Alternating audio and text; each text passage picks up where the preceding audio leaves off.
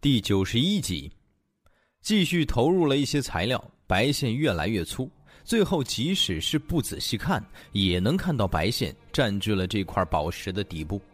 不过，让叶钟明哭笑不得的是，自己投入了这么多东西，也仅仅是填满了这块宝石的几十分之一。按照这个情况，自己把所有的家当投入进去，估计也填不满。叶钟明的情绪一下子就被强行冷却了下来。看来这件黄金级别的装备果然不是随随便便就能够使用的。沮丧了一会儿，叶钟明就调整了过来，并且越想越觉得这样才正常。如果向里面献祭了一点东西，献祭之门就反馈了好东西给你，那还叫末世吗？那还叫黄金装备吗？如果真是那个样子。你让更高级的装备怎么办？想到这些，叶钟明的心情再次好了起来，并且对这件装备充满了期待。他知道，既然献祭之门的能力这么不容易被填满，那么一旦到了真正反馈赠予的时候，所得物品的价值肯定会很高。叶钟明翻了翻自己的家当，把那些没什么用的一股脑的都投入到了里面。宝石的能量再次增长了一下，不过依然没有达到整块宝石的十分之一。看来以后的献祭之路任重而道远呐。把献祭之门放在一边，叶钟明拿出了这一次魔鬼赌盘行动的另外一个获得——轰鸣机械师。此刻，这小小的机器人冷却时间已经结束，叶钟明特意留心了一下。冷却时间大概在三十个小时左右。叶钟明拿起机器人摆弄了一下，又无奈放下。献祭之门，别看是金色级别的史诗级装备，但稍微研究一下就能弄明白用法。那东西的难点在于献祭物品数量的庞大。可这个轰鸣机械师就不同了。叶钟明对他的了解仅仅限于很初步的阶段。当时自己脑海里出现的信息也是关于它的基本用法的，但这并不能满足叶钟明。他总觉得这家伙的作用不仅仅是建造个炮台那么简单。毕竟自己大概可能是这个世界上第一个玩转了魔鬼赌盘的人，轰鸣机械师可能是世界上第一个从魔鬼赌盘上铲到的好东西。会那么简单并且脆弱吗？叶钟明盯着这金属大头好一会儿，突然有一个极其大胆的想法：这是个机器人，是被制造出来的东西，自己是工匠。那么，这个想法让叶钟明心脏砰砰快速跳动。如果自己对这个家伙进行一些处理，那么按照工匠职业的特点，这应该也算是自己制造改良过的东西吧？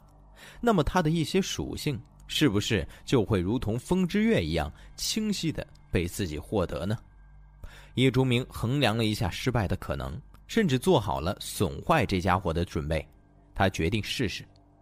一块鬼金出现在了他的手里，叶竹明发动了附魔术，无效，立刻就有微微的汗水从鬓角、额头渗了出来。无效，这是叶钟明从未碰到的事情。什么情况下附魔术会无效？那是在用相同的材料重复附魔的时候才会出现的。可现在轰鸣机械师明明是个全新的机器人战宠啊，为什么附魔术会无效？并且鬼金的等级也绝对够，配得上轰鸣机械师的身份。问题出在哪里？鬼金难道有保质期？不可能吧？也是病急乱投医。叶钟明把这块鬼金扔进了献祭之门中，他刚才可一直没舍得用鬼金这种好东西进行献祭，毕竟这可是他从铁索囚徒身上用命换来的，用一块少一块，以后可能再也没有机会碰到那个大家伙了。就算碰到，现在估计人家也是五级甚至六级的强大生命了，一只手就能把叶钟明捏死。鬼金被献祭了进去，变化就有些大。那条代表能量多少白线瞬间长了一大块，提升到了大概整块宝石八分之一的位置。叶钟明咂咂嘴，衡量了一下，放弃用鬼金把这块宝石填满的念头。献祭之门能量满了之后，可以给予什么东西？叶钟明还不确定。这要是用一大半鬼金献祭，最后的价值还不如这鬼金，那可就亏大了。既然献祭之门都认同了鬼金，那么就说明附魔术的不好用，不是因为材料的问题，而是出现在轰鸣机械师身上。叶钟明左看右看，研究了良久，最后当他把这个至少有两百斤重的铁疙瘩翻过后，发现机械师的底部有三个凹孔，组成了一个等边三角形，分布在那里。镶嵌孔。看到这三个孔，叶钟明眼睛一亮。一直以来，荣耀工匠有一个职业技能都是被忽略的，就是镶嵌术。在荣耀工匠采集、提炼、铜制、强化、锻造、附魔、镶嵌五大技能当中，一直以来只有镶嵌术叶钟明没怎么用过。不是他不想用，而是很少会碰到有镶嵌孔的装备。镶嵌孔这东西可不是随便你在装备上。凿一个孔就可以的，镶嵌孔是为了镶嵌东西，让装备直接拥有镶嵌物品的某些属性。那是一个能量连通的过程，复杂程度就像器官移植一样，那是需要和装备本身完美连接和契合的。所以，要想让装备有镶嵌孔，只有那么几种方法：一种就是装备自带，另外一种是工匠拥有打造镶嵌孔的能力。最后一种就是拥有一种专门的打孔器，那是一种很珍贵的一次性消耗物品。叶崇明以前没用镶嵌术，不是他不想，而是他暂时没有那个能力。现在猛然发现这个轰鸣机械师竟然自带了三个镶嵌孔，叶钟明愉快的都想吹一声口哨。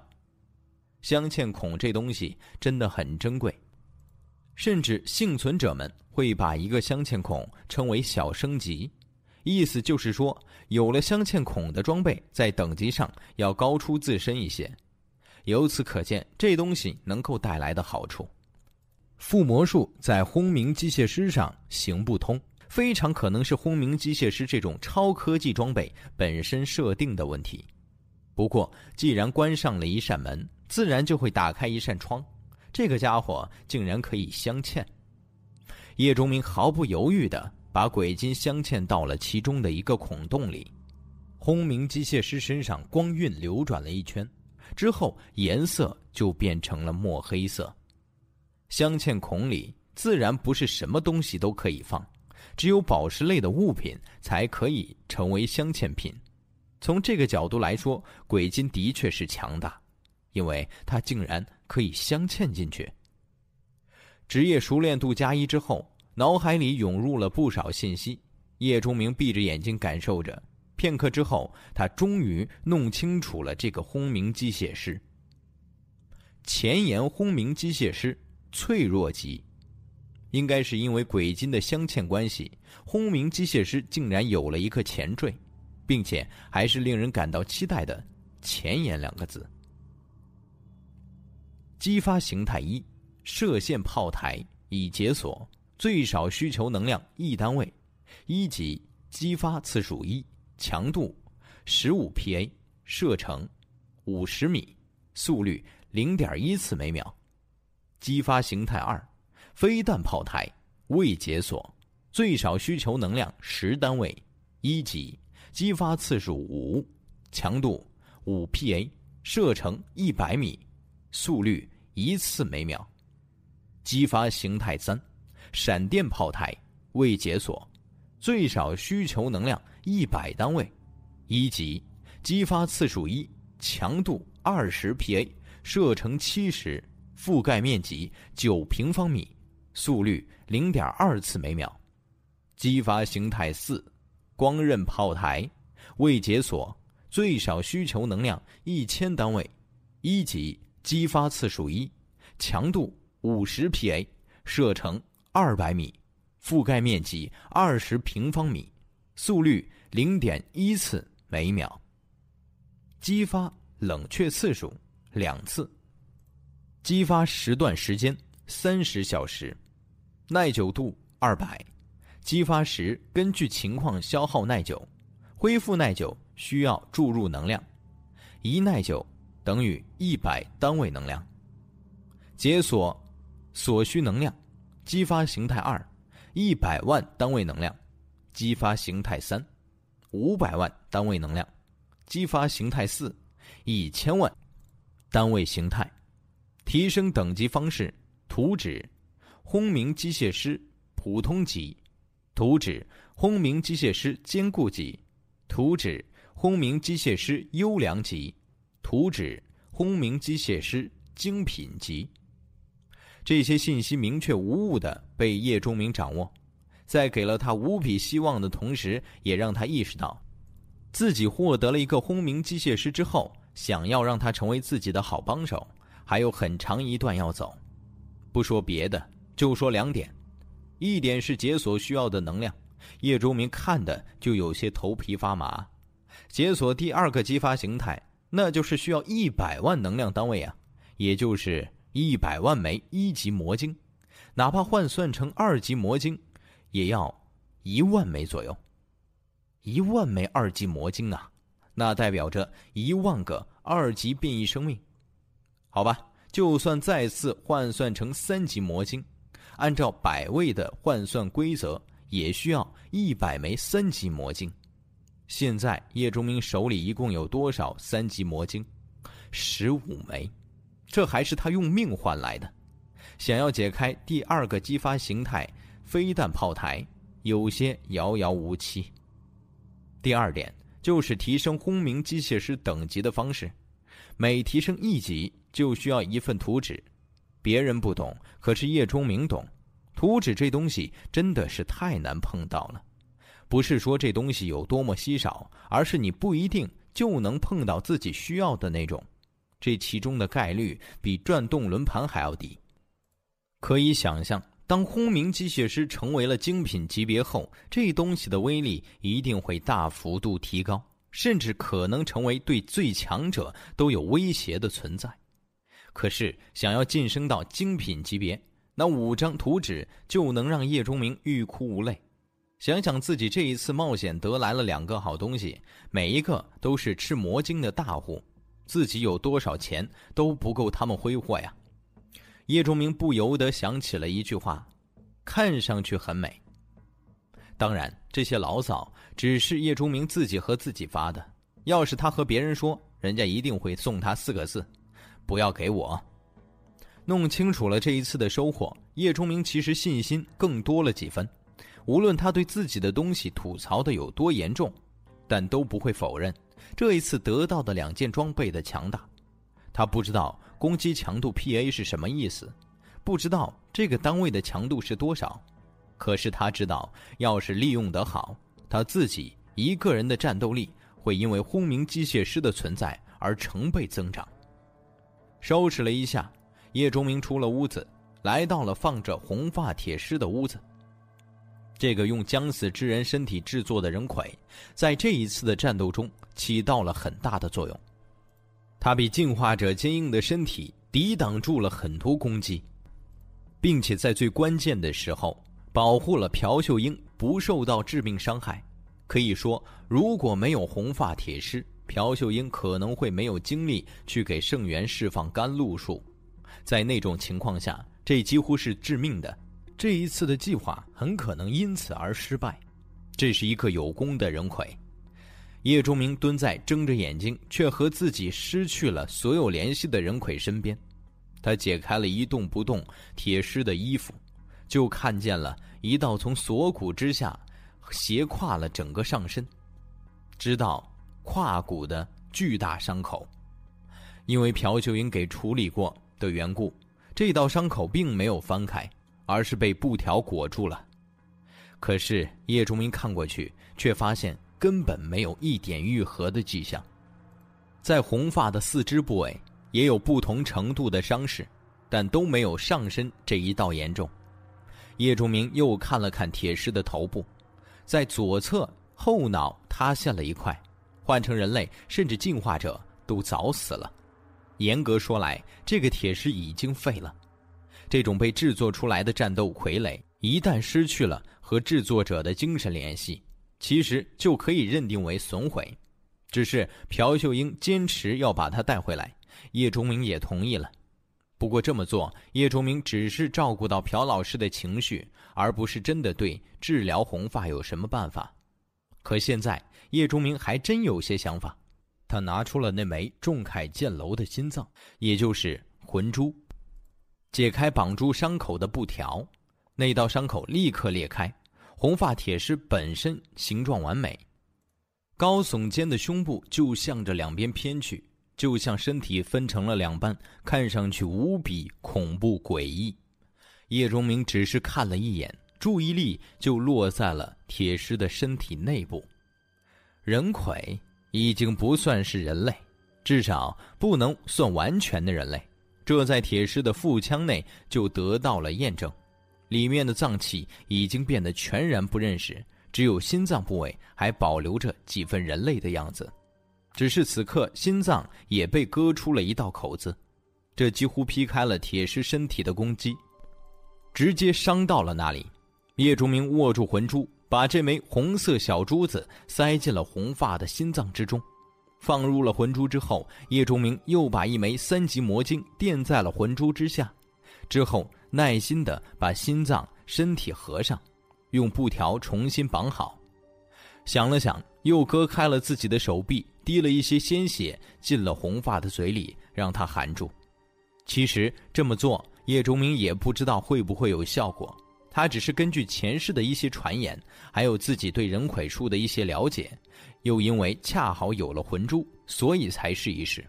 结果如何，他也只能听天由命。等了一会儿，看到铁狮没有什么变化，叶钟明微微摇头，掩上他的上衣，转身走了出去。叶钟明研究装备用了很久，出来的时候已经快晚上，大家都等着他吃饭。晚饭还是挺丰盛的，除了必不可少的肉干之外，还有稀饭、咸菜、蔬菜罐头，甚至还有一些从农家找到的菜干几个女人用它做了一盘菜干焖肉。对于末世来临之后就没吃几顿好饭的大家来说，这简直是人间美味。连叶钟明都多吃了一些。叶钟明先吃完，站起来把自己今天从外面带着的包拿了回来，从里面掏出了几件衣服。咦，防弹衣？小虎就坐在叶钟明旁边，看到这几件衣服就有些好奇。在距离这里不远的国道上，李工发现了一辆翻到的押运车，里面拉着不少被服。李工是乐大远的一个助手。这几个助手这些天和小队在一起待的时间长了，获得大家的初步信任，所以叶钟明也没吝啬几瓶净化药剂，让他们都成为了净化者。现在他们已经跟在老队员的身后出任务了。李工看到叶钟明目光落在自己身上，点头道：“里面没有武器，只有这些防弹衣能用。我改良出了三件，盛元领一件，朴老师一件。”剩下的一件谁要？这一次获得了不少防弹衣，大概有几十件。不过这些可以勉强称得上装备的东西，等级太低。叶钟明同志强化了不少次，才得到了三件。这在叶钟明眼中也只是勉强能用，对普通枪械的防御力还算可以。不过对于有了级别的武器，防御力就很差了。之所以浪费了不少精神力强化出这三件防弹衣。主要还是考虑到以后可能会遇到被人打黑枪的情况，所以能防范一些就防范一些。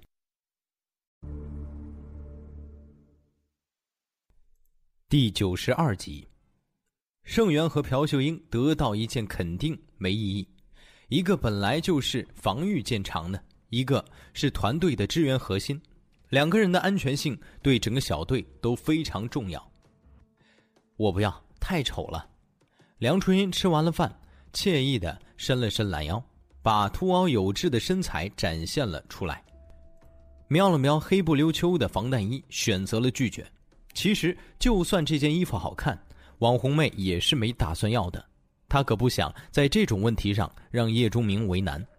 莫叶呵呵一笑，道：“太丑。”夏雷呵呵一笑，说太丑。小虎却一把抢过：“我不嫌丑啊！”有了这个，可要顶在最前面呢。叶钟明笑笑，指了指防弹衣：“没问题啊，我的强项。”分完了防弹衣，大家也吃完了饭。叶钟明去看了看尽心尽力放哨的地黄丸，给这个家伙喂食了一些三级变异生命的肉后，就去了盛元的房间。乐大远的一个助手刚喂完了盛元一些撒满了碎肉的稀粥，大个子看上去状态还不错，一下午过去，已经可以靠在床头半坐起来了。我的盾能不能修？看见叶钟明，第一句话就问他的盾牌。不用我修。盛元听得有些皱眉，他可是知道自己盾牌已经都开裂了，不修的话彻底不能用了。因为他能够自我恢复。什么？盛元瞪大了眼睛，有些不相信叶钟明说的。他还从没听过能够自我修复的装备。跟着我。你还能知道不少从未想象过的事情。盛元沉默了。他虽然被叶钟明救了，还得到了一块盾牌，不过他也是拼了命的，并且没有一点偷奸耍滑。他已经还了这份人情。黄喜杰是元素是吧？叶钟明突然提到了一个人的名字，盛元眼中就露出了掩盖不住的杀意。梁娟，是个旋风镖是吧？这一次，盛元真的愣住了。这几天和这些人接触下来，他知道了叶钟明是从另外一个城市过来的。他们和黄喜杰之流一点都没有过接触。之前，叶钟明对于盛元职业的无比熟悉，已经让这个大块头非常诧异了，心中满是疑问。现在听到叶钟明透露出这些信息，他掩盖不住惊骇，压根儿猜不透这个比自己年轻的男人到底什么来头。怎么好像什么都知道一样？他们的职业都很克制狙盾手，你不是他们的对手，所以想要给李颖报仇，你自己无能为力。一个又一个信息震得盛元身体都直了起来，他带着掺杂着惊恐、震动、防备、彷徨的面孔对着叶钟明低吼道：“你到底是谁？”朋友，叶钟明说出了一个词，当然。最后还是要看你如何选择。别问我为什么知道这些，我不会说。你只需要考虑是否需要我的帮助就可以了。怎么帮我？对于仇恨，在这样的一个世界里，除了杀戮之外，还有其他的解决方式吗？盛元重新躺了回去，心中对这个一直态度很好的年轻人真的满是畏惧。这个人的实力，盛元见识过。他自己肯定不是对手，并且是见到过的进化等级最高的人。真正让他感到恐怖的是，他知道太多不应该知道的事情。他怎么会知道黄喜杰和梁娟的职业是什么？那可是乌兰县基地最大的秘密。他怎么会知道李颖？末世开始后，外人只知道自己的女朋友叫小颖，没人知道她姓李。条件呢？盛元发现，哪怕自己对叶钟明感到畏惧，可依然挡不住他提议的诱惑。报仇，不就是在牢房里自己每天都想的事情吗？哪怕在梦里，在昏迷的时候都在想。我的小队缺一面盾牌。果然是这样啊！盛元放松了下来。这些人是一个攻强守弱的队伍。他们有着锋利的白色战刀，可以轻易切开二级变异生命的身体。他们拥有好几个职业者，可以和三级生命抗衡。可是他们防守很弱，只有一个医生类的职业。平时碰到危险或许看不出什么，可一旦碰到数量庞大的怪物或者进化等级高出他们的怪物，就会很危险。他们需要一个肉盾。替他们扛住伤害，让他们可以放心去进攻。我很少主动招人的，叶钟明笑了笑，自己前世这个兄弟看来还有一些顾虑啊。好，我答应你，帮我报仇，我就跟你了。盛元停了一下，道：“可你就不怕我利用你？”叶钟明听了，哈哈大笑：“只要你不傻，就应该知道，只有我可以给你制造。”越来越好的盾牌，你离开了，去哪里找这么优秀的工匠？只有我能够带领你飞速的进化。你离开了，去哪里得到一瓶接着一瓶的进化药剂？叶钟明笑容渐渐消失，身上散发出一股摄人的气势。更何况，凭你现在的实力，你有什么资格利用我？盛元萎了，人家说的都是实话。是啊，你凭什么利用人家？人家动动手指就能把你灭了。好好养伤吧，我们后天行动。你需要在两天之内好起来。拍了拍大个子的肩膀，叶钟明起身向外走。等等，叶钟明转身看向了叫住自己的盛元。有一件事情，我想你应该提前知道。黄喜杰他们背后，皇族工会。盛元嘴巴张的老大，有些结巴道：“这，你都知道？”叶钟明笑笑，转身离开。门关上之前，慢悠悠的传来一句话：“一帮自以为是的傻子而已，别在意。”黄喜杰这些天一直心神不宁，他不知道为什么会这样，想来想去，也只能是被人救走的盛元给他造成的困扰。自己曾经的手下被人救走，并且就那么消失了，没人知道他被谁救走，更没人知道他现在去了哪里，还会不会回来。黄喜杰倒了一杯烈酒，狠狠的灌了一口，那股热流从嘴里直接连通了他的胃部，让他的情绪平缓了一些。最近的事情实在是太多了，神秘人那边的，消失的圣元这边的，还有乌兰基地自己的，让他有些焦头烂额之感。门被轻轻的推开，梁娟妖娆的身体走了进来，看到一个人在喝酒的黄喜杰，她漂亮的脸上就有了些担忧。喜杰，虽然我们都是进化者，可你还是不要这样喝酒了，也伤身的。亲昵的坐在了男人的怀里，梁娟用自己丰腴的身体摩擦着自己的男人，感受着男性特有的热度。人都走了，还没呢。我找了几个姑娘陪着他们。亲爱的，你说我们真的需要他们帮忙吗？他们要价也太高了呀。盛元和那些救了他的人不一定回来吧？我们就这么给他们这么高的报酬，是不是有点儿？咔嗒，门缓缓的自动关上，隔绝了小刀贪婪的视线。女人白花花的身体从他的视网膜上消失不见。混蛋，黄喜杰这老货给你找的怎么比我的强那么多呀？我的，那个。弄了三两下就要死要活的，一点都不爽。小刀靠在墙壁上，嘴里斜叼着烟，看着阿宽从屋子里走出来，不满的嘟囔着。他的右手正有一把锋利的柳叶刀在那里转动，速度非常快，只能看到一片白色的残影。这把被他不停把玩的武器，竟然是白色级别、稀有级别。阿宽翻了白眼。你那没轻没重的，一点都不知道收敛。进化者的体质能是普通女人受得了的吗？还有，你连女人的脸都没看见，就那么肯定我的质量比你的高？阿宽整理了一下衣服，继续道：“你以为黄喜杰和梁娟那么大的本钱都下了，还能在女人上做文章？”小刀年轻的面容上带着几分桀骜不驯，撇撇嘴道。那是他们有求于我们。说完，小刀直起了身体，手里转动的柳叶刀丝毫没停，一直保持着极高的转速。看了一眼关上的门，阿宽，这妞我玩玩。说着就要推门而入，却被阿宽一伸手拦住了。不是吧？一个女人而已，你拦兄弟？阿宽木着一张脸。我玩够了后你随意，但这几天。他还要陪我，我没有和人共用一个女人的习惯。小刀眼中凌厉顿起，盯了阿宽好几秒，才突然一笑：“OK OK，我尊重你。”之后，在阿宽的目光中，晃晃悠悠的离开。旁边的一扇门打开，走出两个人，一对年轻的男女。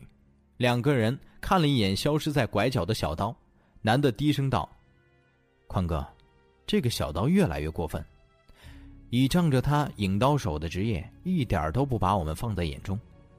是啊，女人也语带讥讽。工会的资源倾向了他，却真以为是他自己的本事了。工会也不公平，为什么选择这么一个人培养？听说，如果得到二星药剂，也要给他，这是哪门子道理？阿宽摇摇头，他家里在和平时期对工会贡献很大，会长和他父亲有交情在。不过，算了，不说这些了，我们出去转一转，看看有没有什么情况。这一次我们的任务就是帮助黄喜杰，还有三天的时间。时间一到，不管那些黄喜杰得罪的人来不来，我们都拿着东西离开。阿宽，我们男子左右看了看，才轻声道：“黄喜杰和梁娟两个职业者而已，我们四个人完全可以干掉他们，拿着东西走就是了，怎么还要在这里待着？”阿宽伸出一根手指：“一。”黄喜杰可是个老狐狸，别说我们四个没有毫发无伤胜之的把握，就算有，他死都不会说出那东西在哪里，因为他很清楚，他不说还有活下来的一线希望，说了就必死无疑。二，上面的意思是乌兰基地会得到工会一定程度的保护和培养，把这里变成一个时刻给我们提供资源的魔晶产地。黄喜杰是上面中意的控制者。我们动了他，会让上面非常不满意，会影响我们在工会内部的资源分配资格。阿宽的身份应该是比小刀和这一对男女都高。他看着两人道：“小刀不用去管他，出了事儿自然有上面替他兜着。我们只需要做好我们的本职工作就可以了。现在工会看似很强大，其实每走一步都如履薄冰。我们既然可以运气极好的碰到职业轮盘。”得到了不少职业证书，那么别人也可以得到其他我们羡慕的东西。我们不发展，就会被别人超越。现在还不是由着我们性子的时候，而是向着二星进化冲刺的时候。谁能够在这场冲刺中领先，以后就会成为这片大陆的主宰。这是高层的共识，所以现在对于不和上面保持一致的几位大佬，会毫不犹豫的出手干掉他们。平时你们和我关系不错，我告诉你们这些，希望你们能懂。一对男女对视了一眼，都面露感激。我们知道了，谢谢宽哥。阿宽点点头，走吧，四处看看去。距离乌兰县城百里之外，那个曾经在叶钟明救出盛元的牢房里出现过的木医生，正带着四个人趴在一处山坡上，用望远镜看着前面不远处。木医生。我们要在这里当个很久吗？上面的意思是尽快赶到乌兰县城去。我们，我心里有数。那个异常优雅的男人侧过了头，看着旁边说话的人道：“我要做什么，还轮不到你来教。”提出异议的男人脸色涨红，咬着牙却没有敢说话。放心好了，这一次要是有收获，我送你们一人一瓶药剂，很特别的那种。听到穆医生这么说，其他人都眼睛一亮，连那个刚刚被教训的人都不例外。穆医生是谁？那可是工会里唯一的药剂师，是那个轮盘上最好的职业之一，据说还得到了好几张配方。他做出来的药剂绝对是顶级的，在工会内部，一瓶穆医生做出来的药剂价值几乎等同于半瓶免疫药剂。大家都知道。工会发现二级轮盘有一段时间了，一直正在多方收集二级魔晶。谁得到的二级魔晶多，工会得到二星进化药剂之后就会优先考虑谁。难道对于二星进化，你们不动心？我上次从乌兰县回来就找到了他们，二级魔晶就在眼前，难道你们要放弃？晚去支援阿宽他们怎么了？他们四个人都是职业者。在这片地区，有谁是他们的对手？我们去，无非也就是锦上添花。何不先把这些二级魔晶弄到手？其他四个人都点头。谁对成为二星进化者不动心呢？工会里现在只有一个二星进化者，那份强力，谁见识到了都要叹为观止。如果真有这样的机会，大家都不会错过。下面这一群二级变异山羊，足有十几头。我们得到了他们的魔晶，按照规矩，至少能转动一次二级轮盘。你们不想碰碰运气？想，可是木医生，以我们的实力，没办法杀掉他们呢，打不过呀。趴在最外面的一个人叹息着说：“穆医生笑了笑，从他那个总是随身携带的银色箱子里掏出了一瓶装满沸腾黄色液体的试管，道：‘放心吧，我早有准备，只是需要一点时间而已。’感受到了吗？出刀的时候，这里，这里，之后这里，要顺序发力，角度要随着目标而动。今天是个阴天。”已经可以感受到一丝凉意，不过进化者的体质好，这点温度根本不算什么。夏雷穿着一件紧身的黑色背心，正在教导小队的人练刀。他受过刀术大师的教导，在这方面很有研究。现在大家一个团体，学会这些东西可以极大提升战斗力。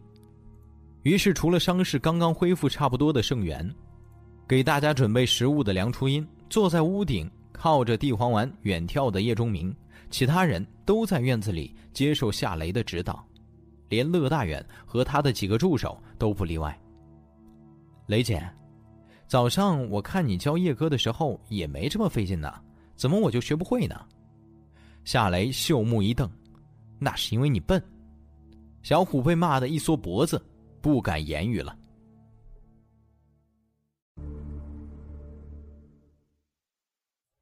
第九十三集，还因为坐在房顶吹风、自以为很潇洒的某些人是变态，教他一遍就掌握的七七八八了。你和谁比不好？和变态比？叶钟明坐在屋顶，看了一眼抱着双臂、把那硕大的胸脯挤得更加壮观的女武警，拿这个口无遮拦的女人一点办法都没有。叶钟明有着十年的末世经验，前世还是刀手职业者。对刀法本就有着他自己的理解，虽然因为进化等级的缘故，很多前世的东西用不了，但至少眼光、经验还在。夏雷指导了一下他国术的一些东西，只是打开了一扇门，有着很好基础的叶钟明直接就走进了门里，迅速领会贯通。仅仅几天下来，夏雷会的那点东西已经被吃透了。现在的叶钟明在融汇了国术和自己的经验之后，刀法已经上了一层楼，夏雷完全不是对手。当然，叶崇明也教给了很多夏雷不懂的东西，只是那毕竟都是经验和技巧，需要一段时间来贯通。练了一上午，大家匆匆吃过了饭，之后就开始整装待发。他们都知道行动的时间到了，这一次他们的敌人。不是变异生命，而是同类。末世的夜总是出奇的黑。乌兰县城的城门处，左右点着两堆篝火，照亮了周围一大片区域。十多个守卫在防御工事里或站或坐，不时还看看外面的人群。周围越来越多的人听到消息来到乌兰县城，希望得到庇护。可这里不是随便进的。交不起入城费，就只能在城外待着。这些时日以来，乌兰城外至少聚集了七八千人。虽然夜已经很深了，可是因为饥饿和初秋夜晚的寒冷，依然有很多人睡不着，孤魂野鬼似的在周围游荡着。守卫都有些困了，正在商议着哪几个先睡一会儿。就在这时，守卫听到了一阵不算很整齐，但却十分有力的脚步声。一个守卫伸头向外望去，就看见一伙人正快步朝着这里走来。火光之下，是一张张越来越清晰的脸。圣，圣元，一个守卫在这群人中看到了一张熟悉的脸，立刻就有惊恐涌上了心头。这些天，为什么基地一直处于戒严状态？为什么如临大敌，每天在城门分派守卫，不就是为了防止这个被人救走的大个子吗？本来事情已经过了好几天了，大家以为会不了了之，谁想到在这样的一个夜晚，盛元竟然带着人回来了。告诉皇。一个小头目也认出了盛元，转身就向回跑，一边还向着城墙上的守卫示警。白光闪光，一柄长刀插入了这个小头目的后背，直接把他钉在地上。夏雷满脸煞气，显然心情不好。在叶钟明的影响下，大家基本上不会去做烂好人，对在末世挣扎求生的人报以怜悯。不过，众人也终究不是丧心病狂的变态，他们还有做人的底线在。夏雷和叶钟明来过这里，已经听说了黄喜杰放火烧城的事情。目的虽然是为了取得魔晶，可是当时在大火范围之内还有上千活人，这些人也被活活困在了里面，被丧尸抓咬之后全部死亡和变异。对于下这个决定的人，夏雷极度憎恶，顺带着也对帮凶的守卫们没有丝毫好感，直接下了杀手。这些守卫们先是一愣。接着呼啦一下四散奔逃而走，在生命面前，什么职责、什么勇气都是扯淡。城墙上的守卫发现了下面的骚动，立刻派人去通知上面，其他人则拿着武器在上面紧张的看着接近的众人。之前众人还问过，如果进入乌兰县城，叶钟明的回答是直接打进去。此刻看到那厚厚的城门，大家都皱着眉。难道要用风之月一点点切开？那得多久啊？叶钟明马上告诉了他们答案。他直接抽出风之月，对着这古老的城门就用出了印风焰刀。轰的一下，城门就被劈成了两半。叶钟明上去又是几刀全力之芒，这本来可以抵挡住丧尸攻击的金属大门就被彻底摧毁。城墙上面的守卫都快疯了。不可置信的看着这一幕，这要什么样的实力才能摧枯拉朽一样把这几千斤的城门给弄碎？有几个守卫还算清醒，猛地把一旁放着的石头之类砸了下去，甚至还有个队长级别的人物掏出了一把警用手枪，对着城墙之下开了两枪。不过没等他们继续攻击，就看见盛元抱着一只金色大狗，怒吼一声。就把这只狗甩上了半空，金色大狗借着这股力量升到了城墙的中段，身体猛然扑在了城墙上，利爪抓着青砖飞速的上窜，一口气跃上了高高的城墙。对于只有一个进化者的守卫来说，被一只二级的变异狗，还是被叶钟明精心培养起来的二级变异狗冲上来之后，就是真正的末日，惨叫。胡乱的枪声和地黄丸的嘶吼，瞬间就让城头乱了起来。城外聚集的幸存者们都愣了，他们没想到，本以为又是一个平静的会饿死人的夜晚，会出现这样的变故。他们来到这里，几乎每一天都是煎熬。一些进不去城的人走了，去别的地方碰碰运气；更多的人留下来，希望有一天可以攒够进城的费用，得到高大城墙的保护。这些人每天都去四处游荡，成群结队的去猎杀丧尸，每天都有人死去，或者被丧尸吃掉，或者被同类杀掉。每天夜晚，这些人都要为了靠近城门的位置而争吵、厮打，甚至械斗，因为这里最安全。哪怕外面来了丧尸或者变异动物，也是最外围的人遭殃。小小的乌兰县城外，俨然是一个血腥无比的小世界。这样的日子没人愿意过，因为没有几个人运气好的人可以积攒够进城的魔晶，随时可能会有同类的刀子捅进你的身体，从你的手中抢着属于你的东西，也抢走属于你的机会。今天这些梦寐以求的进城机会出现在眼前，很多人都感觉到了不真实。在愣了大半晌之后，很多人。突然发出了欢呼，冲着城门就冲了过去。牵一发而动全身，城外的幸存者们全部疯了一样涌向了城门。我有些想不通，这样没有生产和创造的基地，别说发展了，是如何维持长久生存的？一行人走在乌兰县城的街道上，看着周围脏乱的一切，莫叶不禁发出了这样的疑问：掠夺和剥削。叶钟明见过很多这样的基地，这些基地回到了最原始的一种状态。基地首领靠着提供廉价和不可靠的所谓保护来榨取进城者的财富，养着一帮凶狠的打手，暗地里劫掠居民和周围幸存者狩猎队的资源。他们是一帮寄生虫，却无法根治，因为人性本就是贪婪的。在没有了信仰和规则的末世，这种贪婪会以各种各样的方式爆发出来，并且一发不可收拾。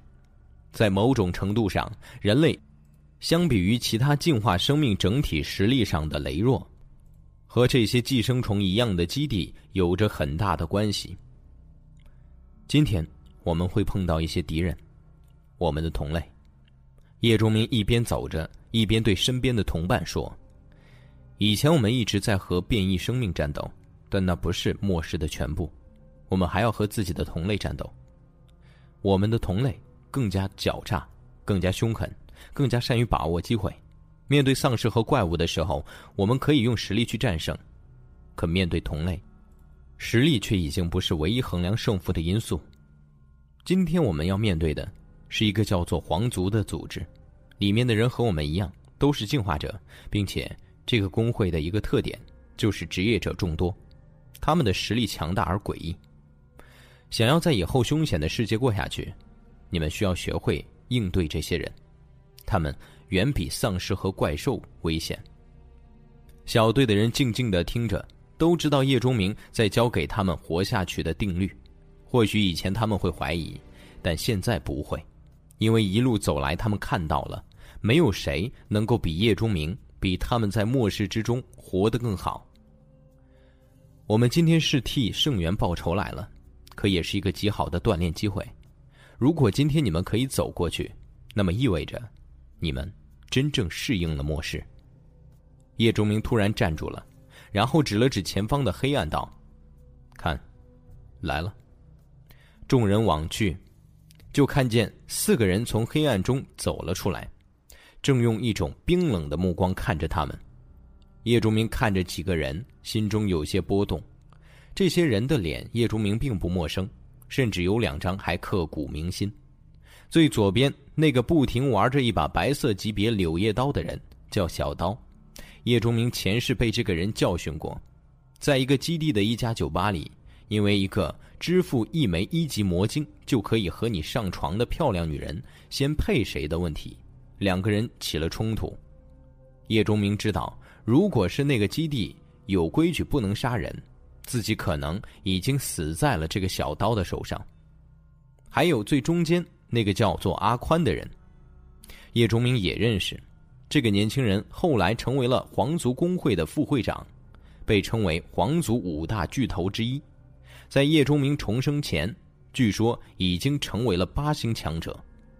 他前世被小刀教训了之后，战队的队长想要替叶钟明出头，却被阿宽切掉了一条腿。后来耗费了小队两个月的收入，才请到了一位职业是黑巫师的进化者出手，施展了幽梦替换术，让队长重新站了起来。还有那一对年轻人，好像是叫做张迪、张静，亲兄妹，还是有些变态的亲兄妹。在末世的刺激之下，渐渐会沾染上一些让人恶心的嗜好。不过死的比较早，在皇族工会和当时一个战团的争斗中双双被杀。皇族工会在前世是一个庞然大物，是一个从和平年代就秘密存在的组织。末世开始后，飞速强大了起来。后来圣元为了报仇，和战团的人血洗了乌兰战团。而这个战团恰恰就是皇族工会庇护下的一个基地，这件事情自然也惹得皇族工会的震怒。虽然没有和实力同样不俗的战团翻脸，可明里暗里下绊子使坏是必不可少的。好多次明明可以完成的任务，就是因为皇族工会的捣乱而失败，极大的耽搁了叶钟明他们的进化速度。是的，前世皇族工会和叶钟明有仇。和叶钟明所在的小队有仇，只是吃亏的一直是叶钟明他们。重生了，叶钟明来到这里，不仅仅要找到圣元，还要顺带着报报仇，给皇族工会一个教训。并且告诉他们，噩梦开始了。前世叶钟明败在了进化等级相同的小刀手里，而这一世，这个人已经没有资格成为自己的对手。你们真是来找死啊！不知道天高地厚的一帮垃圾，今天小爷教训教训你们，让你们知道有些地方不是随便能来的，有些事情不是随便能做的。小刀舔着嘴唇，一点儿都没有因为叶钟明他们人多而感到畏惧，相反，目光放肆的落在了几个女人身上，露出了淫邪之色。混小子，看哪儿呢？小虎立刻就不乐意了。现在队伍里的四个女人，两个人是他的队长前辈，一个是偶像，一个是受人尊敬的大学老师。面对如此放肆的目光，提着刀就站了出来。过来。小爷，我弄死你！别看在队伍里，小虎总是逗大家乐，可面对外人的时候，除了梁初音之外，就属他最凶。今天摆明了是叶钟明想锻炼队伍，小虎更是没有什么忌惮。叶钟明微微皱了皱眉，他倒不是觉得小虎不应该回嘴，而是觉得如今的小虎面对现在的小刀，并不能占什么优势。小虎仅仅是一个一星进化者。而小刀不仅仅是进化者，还是一个职业者——影刀手，一个以快速和鬼魅闻名的近身刀手类职业。前世叶崇明就是吃亏到了这个职业上，他完全跟不上影刀手的速度，空有刀手、射手双职业，却拿人家毫无办法。这小子交给我们对付。张迪、张静踏前了一步，超过了小刀。他们看见了小刀手中的风之月，哪怕在皇族工会内部，白色武器的数量也屈指可数。几个人里，只有小刀这个颇受照顾的人才有那么一把。现在看到这个毛头小子那里，竟然有如此级别的武器，眼睛都热了。皇族工会的正式成员拥有独占战利品的权利，把这个乳臭未干的人干掉，这把白色级别的武器就是他们的了。小刀眼睛都竖了起来，他难道没看到小虎提着的白色战刀吗？他看到了，也正因此而兴奋。现在，张迪、张静这对兄妹摆明过来抢生意，怒气已经抑制不住。着急了？别呀，我这里也有。夏雷娇笑了一声，把自己的刀拿了出来。对面的四个人立刻表情各异。小刀是直接的贪婪。他就是这样的性格，他也不觉得事情有什么异常，而张迪、张静则在贪婪之余多了几分谨慎。能够拿出两把白色武器的队伍肯定不简单。阿宽则把目光落在了叶钟明等人的身上，在他们背上、腰间来回巡视，不知道在想些什么。一起，莫叶也拿出了风之月，站在了小虎身边，他不能让自己人。一个打两个，刚才还毫无表情的阿宽，在看到莫叶手中第三把风之月的时候，终于动容，眼角都在跳着。他意识到今天晚上的事情可能有些脱离了自己的控制。皇族公会是个区域性的半隐秘组织，成员多是一些捞偏门的商人、夜场老板、矿主等等，这些颇有经济实力，又不是完全正正当当的生意人。和平年代掌控着一些游戏、娱乐、模特等公司，养着不少能打能拼的手下，专门处理不好解决的麻烦。第九十四集，和平年代，他们的主要目标是赚钱，用一些来钱快、来钱多的方式钻一些规则的空子。末世来临之后，由于工会的这种性质。这些人比普通人更快的适应了世界，并且用他们曾经对利益的灵敏嗅觉，开始占据轮盘资源，一边用打手们猎杀丧尸、控制别人的基地，一边飞速强化自己。这几个人，阿宽和张迪、张静都是打手出身，只有小刀是当初皇族公会的会员后代。阿宽以前就靠着拳头吃饭。他对危险的直觉远比小刀这种富二代敏锐得多。当他看到一下子出现三把白色武器的时候，阿宽已经感觉背脊发凉，向前踏了一步。阿宽想要一起出手，可就在他继续踏第二步的时候，却感到了一股极大的压力笼罩了过来。于是他看到对面那个领头的青年人目光落在自己身上，这是一种非常讨厌的感觉。他只在工会里的那位大佬身上体验过。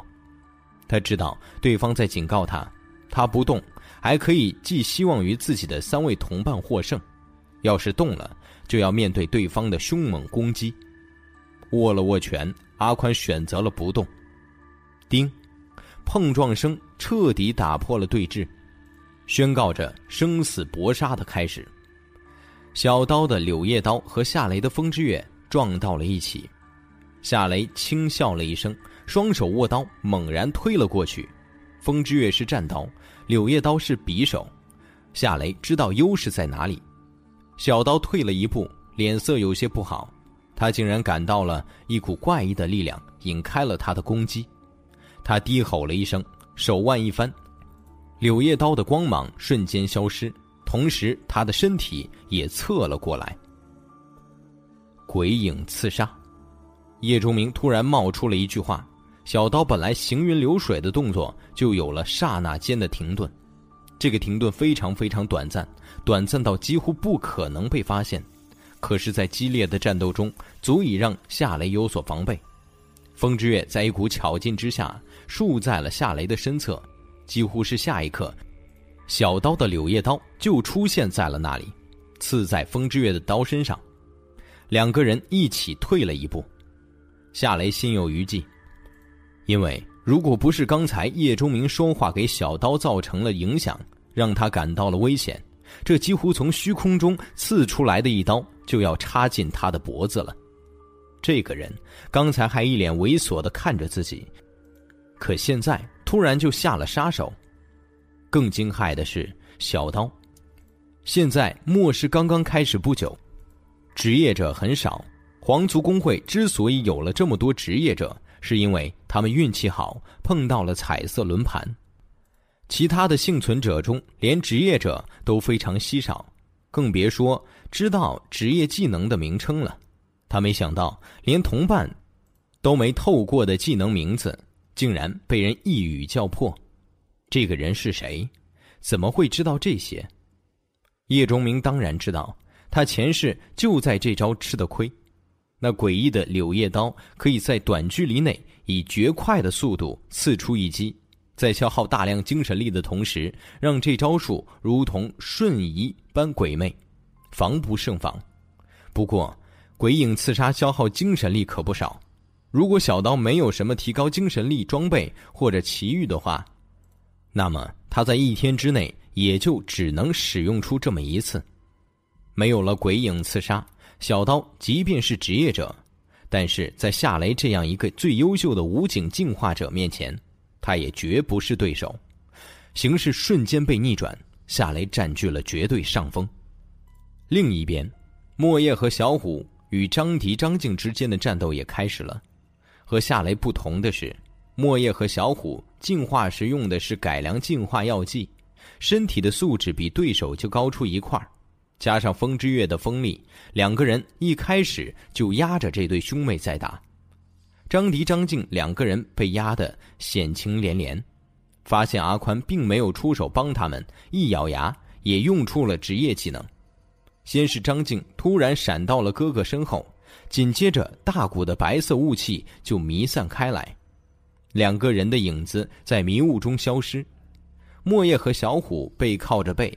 警惕着四周的情况，一道亮光从一侧刺出，莫叶立刻横刀挡了过来。在相反的方向，同时有一道寒光袭来，小虎也不含糊，挡住了莫叶的背后。风之月向着寒光背后的影子砍去。就在两个人觉得职业者的攻势不过如此的时候，一道虚影出现在了小虎身边，手里的长匕首轻轻上撩。就刺进了小虎的心脏。迷雾行者，虚空之贼。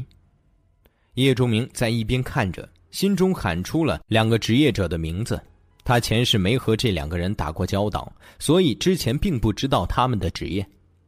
迷雾行者是个副职业，主要用于辅助战斗，算不上什么好职业。不过虚空之贼还是不错的，用于偷袭有很高的成功率。在职业者面前，普通进化者是脆弱的。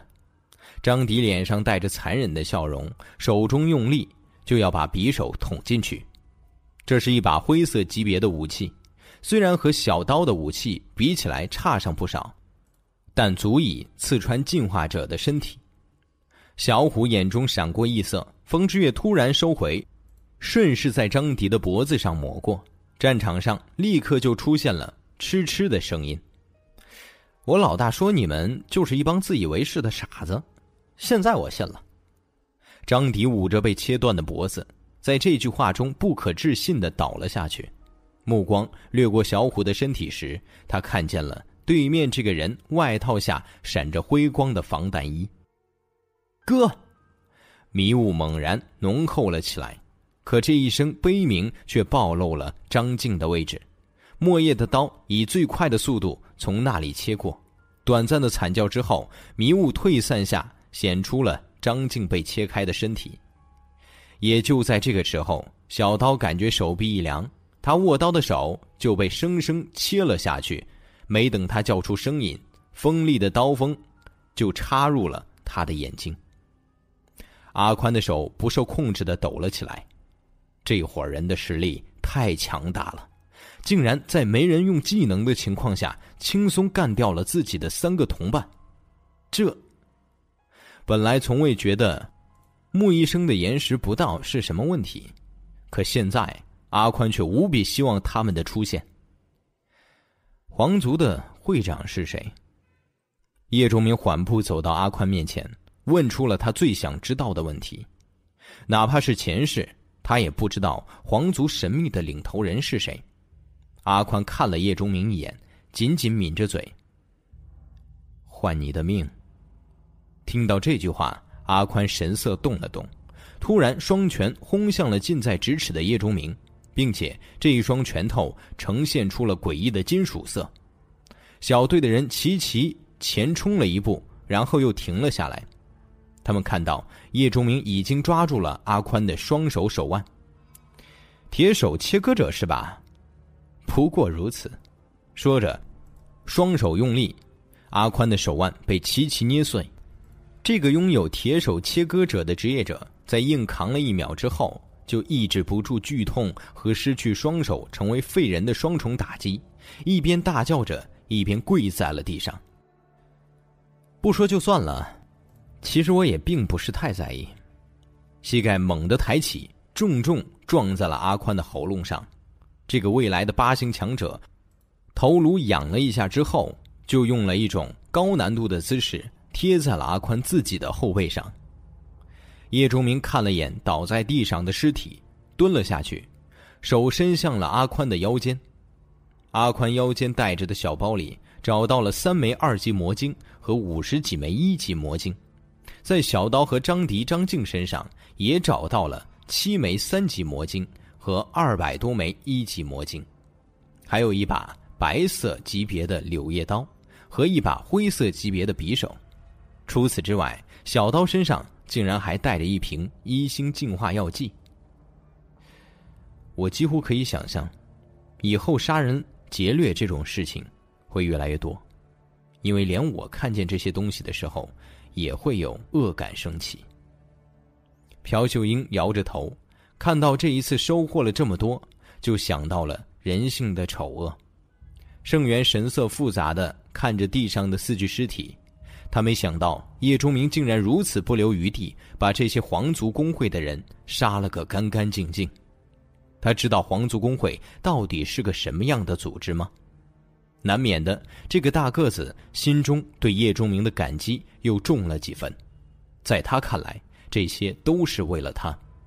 至于这些魔晶药剂，大个子自动忽视了。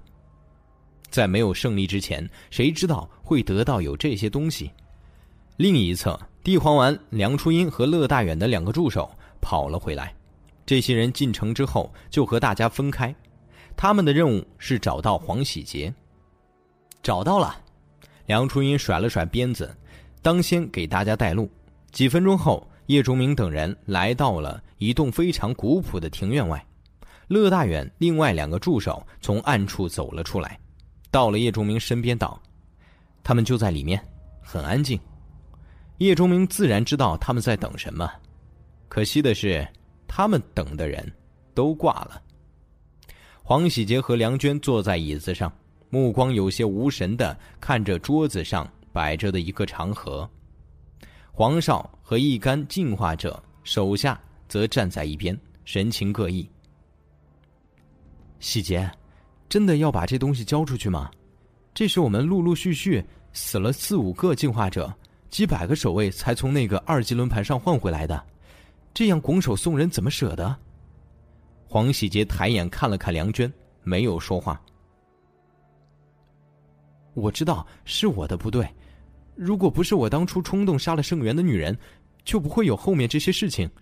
黄喜杰叹了口气：“别说了，你是有责任，可也不能完全怪你。这东西被皇族工会的人知道，是早晚的事情。现在。”我们和他们实力相差很大，却并不悬殊。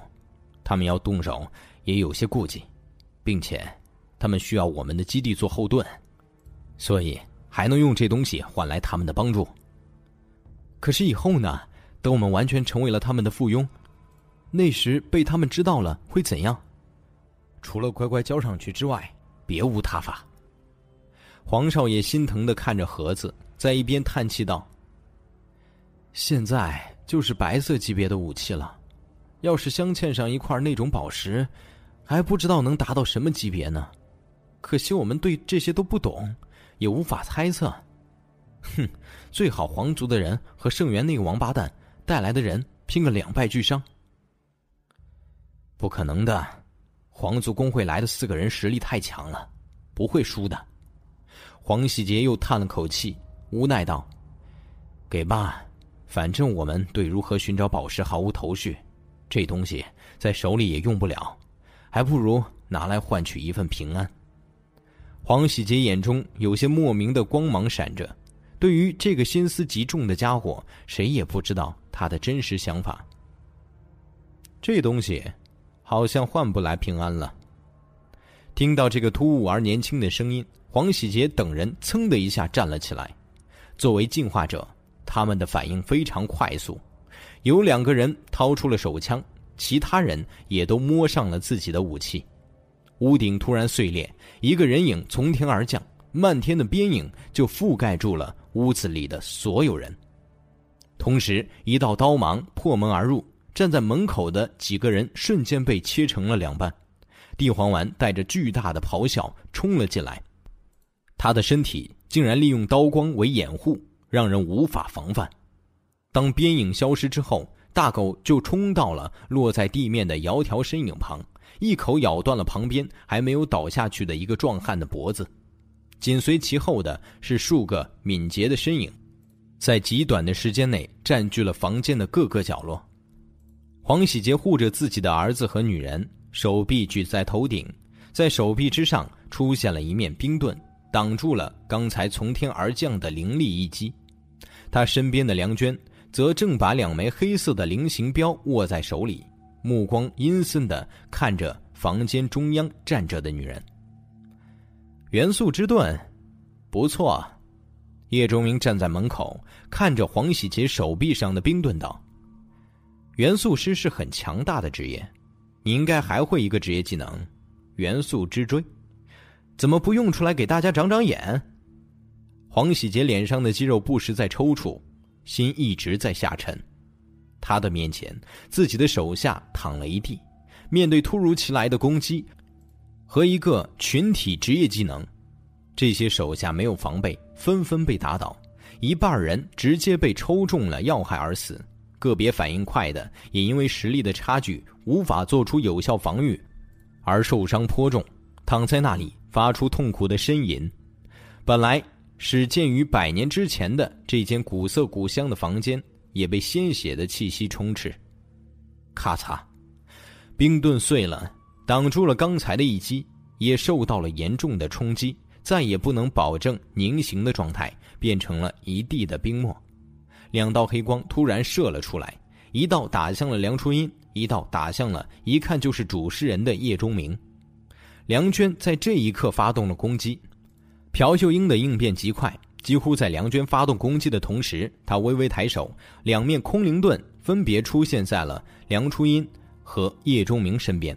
这种自动防御的小盾牌，尽职尽责地迎向了两道黑光。梁娟先是目露诧异，接着就是不屑的冷笑。她承认这种盾牌非常的新奇和强大，竟然可以自动防御，这应该某个职业的职业技能。不过，如果他们以为这样就万无一失了，那就大错特错了。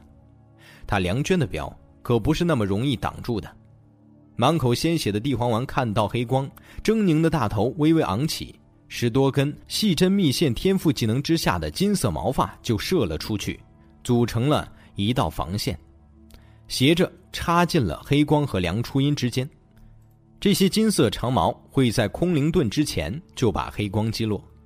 不过就在黑光要碰到这批丝丝金光的时候，黑光诡异的在空中画出了一个弧度，从另外一个角度直切梁初音腹部。大家此刻都已经看清。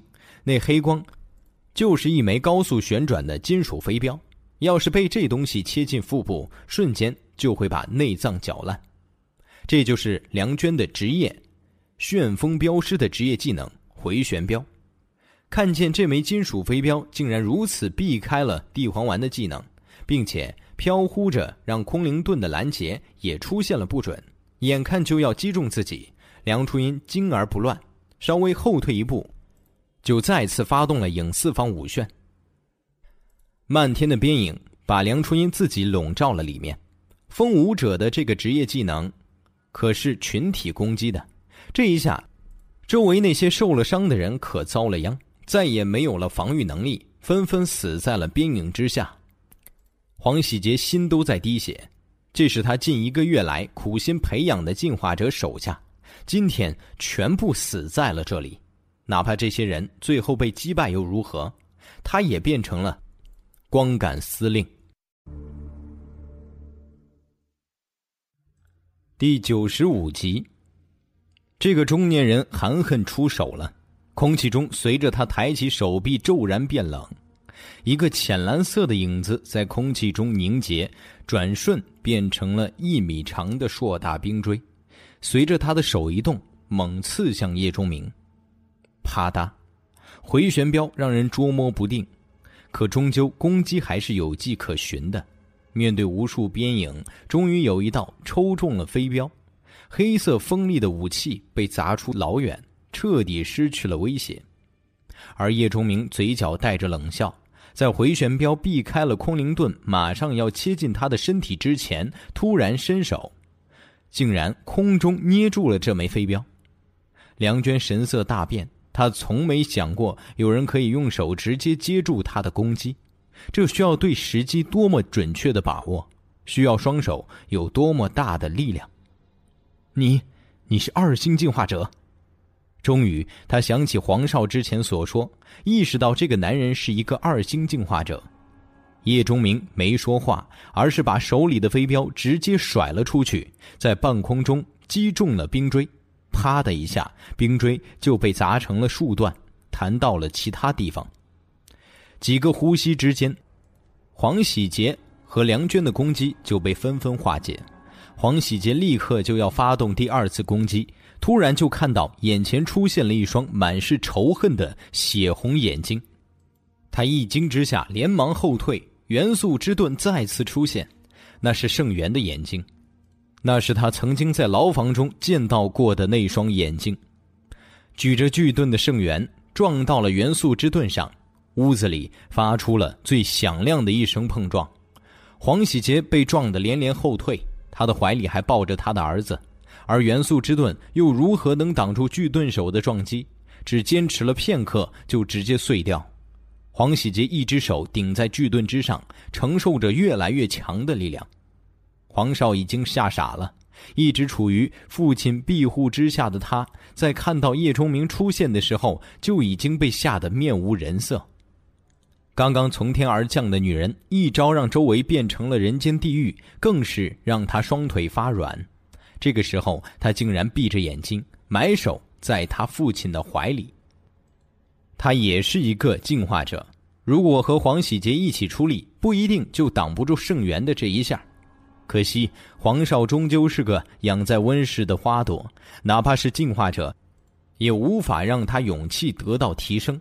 黄喜杰直接被顶在了后面的墙上，墙面都出现了无数裂纹。一大口鲜血吐在了盾牌上，黄喜杰的右手怪异的扭曲着，已经断掉。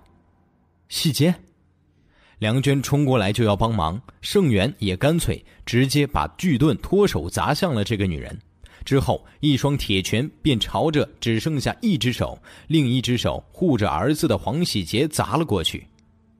屋子里空间本就不大，梁娟又是冲向了那边，猝不及防被巨盾砸中。直接被砸得飞了出去，等到爬起来时，鼻子、嘴巴都在向外流着血。无论是元素师还是旋风镖师，都不以力量和防御见长。这一下就让他受了不轻的伤。可梁娟依然坚持着，冲到了被圣元痛殴的黄喜杰身边，一脚踢向了大个子。叶钟明摆手阻止了其他人想要冲上去帮忙的心思。他自己的事情。自己来吧，说着，缓步走到了翻在一边的桌子旁，俯身捡起了那个长盒。盛元感觉视线一片血红，他知道这是鲜血遮住了他的眼睛，他受伤了。无论是黄喜杰还是梁娟，哪怕他们也受伤了，可都是进化者，都是职业者。盛元一点都没有畏惧，他根本不躲闪，只是一拳接着一拳打向眼前的两个人。脑海里是小影生前的音容笑貌，曾经一切的美好如同幻灯片一样一幅幅掠过，然后砰的一下变成了那具血腥而冰冷的尸体。他从未对不起黄喜杰，甚至为了他放弃了元素师的职业，而选择了只会防御的巨盾手。这两个职业卷轴是他出生入死，差点丢了命抢回来的。为的是能报答黄喜杰让自己成为了进化者的恩情，可这个男人又是如何对自己，又是如何偏袒梁娟这个女人的？非但没有公平，还设下陷阱，直接把自己抓了，每天折磨自己，逼着自己说出得到职业证书的秘密。呵呵，自己就是从一个怪兽的领地里抢来的，他为什么不信？盛元的心中满是悲愤和不甘。他后悔，如果自己当时，可惜一切都完了。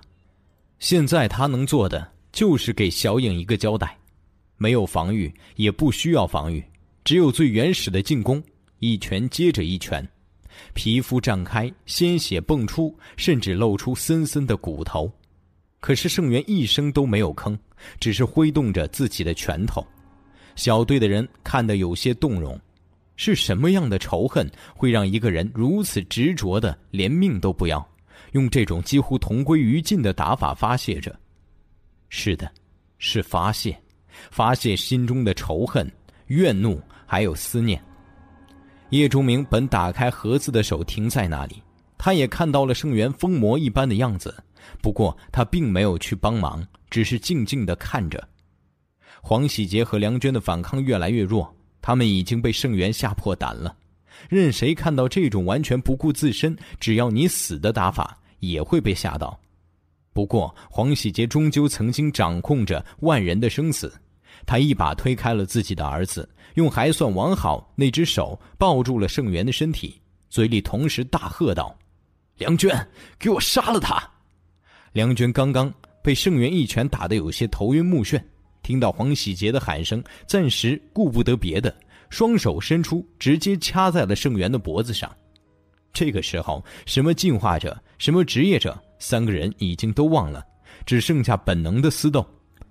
黄少颤颤巍巍的靠着墙站起来，看见打成一团的三个人，虽然害怕，但本能的想去帮忙。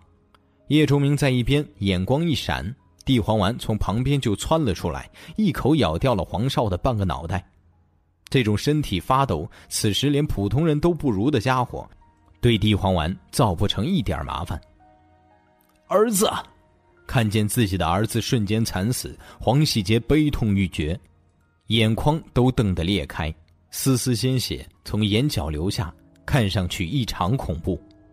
盛元被梁军已经掐得脸色发紫。可双臂被黄喜杰死死的抱住，他挣脱不了。但大个子仿佛没有意识到一样，死命的把头伸向了黄喜杰。沉浸在悲痛之中的黄喜杰没有发现什么，可梁娟神色大变，已经猜到了盛元想要怎么做。他把吃奶的力气都用了出来，想在最快的时间把盛元掐死，一边用力还一边喊着：“黄喜杰，让他向后退。”可这个男人根本就听不见，盛元一点点的接近了黄喜杰，在某个时刻终于够了距离，盛元艰难的张开嘴巴，一寸寸的凑到了黄喜杰的脖子边，咬了下去。啊！伴随着飞溅的鲜血，黄喜杰身体剧烈的扭动着，想要把这个撕咬自己的人甩开，可是现在变成了他被人死死抱住。让黄喜杰非但没能如愿，还把脖子上的伤口扯得越来越大。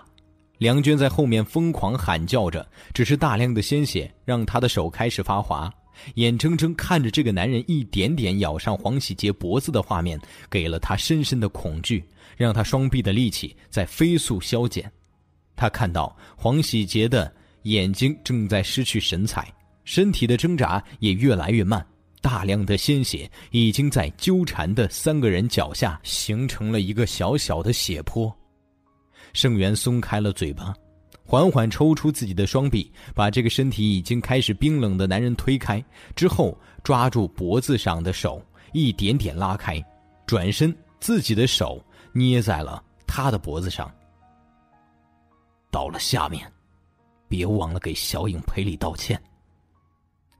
乌兰县城就和当初的新区基地一样，已经乱了起来。只是略有不同的是，新区基地的乱是因为恐惧和茫然，而这里是因为掠夺和杀戮。城外的难民进了城，发现没有了守卫，没有了进化者，他们开始肆无忌惮起来。他们抢夺一切见到的东西，在夜色的掩护下，人类低劣的本性被发挥到了极致：抢劫、杀人。纵火、强暴、凌虐，在这里的每一个角落上演。众人在房子前的街边，感受着同类失去了人性的狂欢。老大，盛元他会不会出事？小虎有些担心的看了眼后面的屋子，放心不下还留在里面的大个子。盛元性格直爽，没有什么弯弯绕，这和小虎有些相似。两个人相处这几天，对彼此都很有好感。关系处得不错，刚才盛元的状态，小虎也看见了。他害怕这个大块头出什么意外。他发泄出来之后，就会出来，不要担心。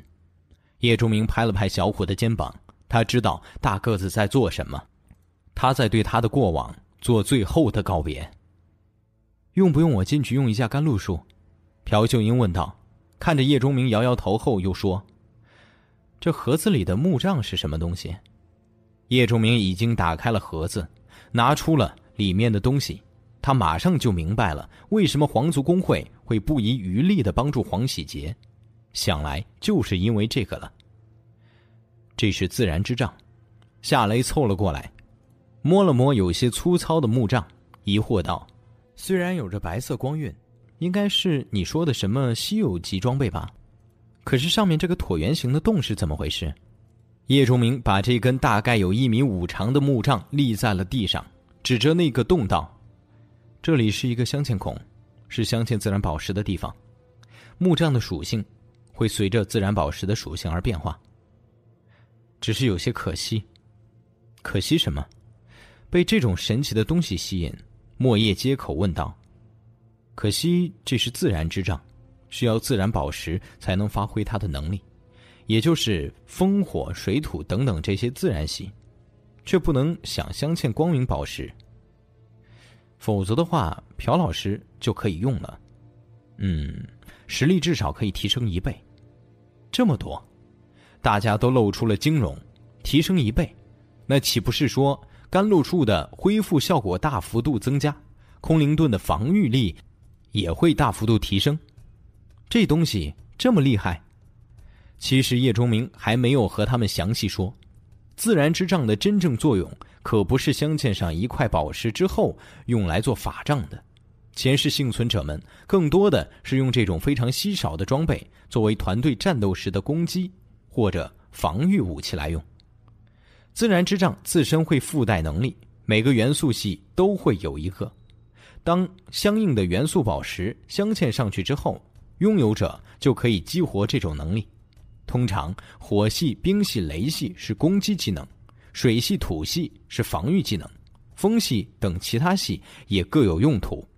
因为元素宝石消耗品的缘故，所以自然之杖附带的技能是可以选择强度的，既可以使用次数，也可以一下子把元素宝石里蕴含的能量全部耗尽，完全激发。这种特性被很多幸存者团队所喜爱，通常都会作为杀手锏来用，造成一击定乾坤的效果。当然，自然之杖的威力也是有大小的。随着他自身级别的升高，自然宝石能量等级的提升而增强。在前世，那位前些天和叶钟明有过一面之缘的杀戮玫瑰穆心飞，手里就握有一根金色级别的自然之杖。当镶嵌上一枚高阶甚至超阶的自然宝石后，他的实力会上升到一个新高度。只是无论是高级别的自然之杖，还是高阶之上的自然宝石，那都属于珍品。可不是随便就能得到的，哪怕是九星强者也一样。这根自然之杖的级别虽然不太高，但在目前这个阶段，可是真正的好东西。只要让叶钟明找到一枚自然宝石，那这东西就是他手里的又一张底牌。没想到黄喜杰竟然得到了自然之杖，无论是从轮盘得到，还是从守卫怪兽那里得到，运气都非常不错。大家议论着这根木杖时，盛元从里面走了出来，看上去很凄惨，很多地方的伤都伤筋动骨，并且头脸衣服上挂着鲜血碎肉。显然，在房间里，这个男人痛快的发泄了一顿。好了，叶钟明看着盛元问：“好了。”盛元声音沙哑，可情绪已经彻底稳定了下来。给他治伤，朴秀英立刻在大个子身上刷起了甘露术。叶钟明看着伤口飞速恢复的盛元道：“伤好了，你出面把这里控制住。很多人应该还认你这张脸。”盛元一愣，其他人也愣了。在他们看来，乌兰县城已经疯了，除非大开杀戒，否则让这里恢复秩序几乎是不可能的事情。我要做一点事情，需要这里安静下来。太阳升起的时候，乌兰县城的骚乱才彻底平静了下来。这一夜，不知道多少人和这个冰冷的末世说了再见。他们的尸体被随处丢弃着，就如同上帝抛弃了的这个世界。盛元之前的身份还是起到了一定作用，不少人都认识这位曾经黄喜杰手下的第一打手。他出面之后，在小队众人的帮助下，一步步控制住了局面。过程自然绝不会和谐。这一夜下来，几乎每个人的手上都沾染了鲜血。当有人红着眼睛、一脸狰狞，拿着木棍向你砸来的时候，你能选择的其实并不多。叶钟明随后发布了一系列的命令：梁初音和乐大远带着人开始在黄喜杰和那些进化者平时出没的地方进行大搜查。莫叶带着乐师的一个助手，在城门口处设立了食物兑换点。如果谁有魔晶，可以在那里换取远比之前多很多食物、水和药物。小虎、夏雷、乐师的另外三个助手，则带着地黄丸在兑换点旁边招人，组建狩猎队，准备出城去四处捕杀丧尸。开出的条件非常诱惑，根据表现。会分发生活必需品，特别出色的甚至可以得到进化药剂，而盛元和朴秀英则组织了一些人在县城里巡逻，确保这里不会再次乱起来，并且负责收集各种信息。凡是觉得有价值的，都可以告诉盛元两人。如果盛元和朴秀英也觉得有用，就会发放给消息提供者生存所需。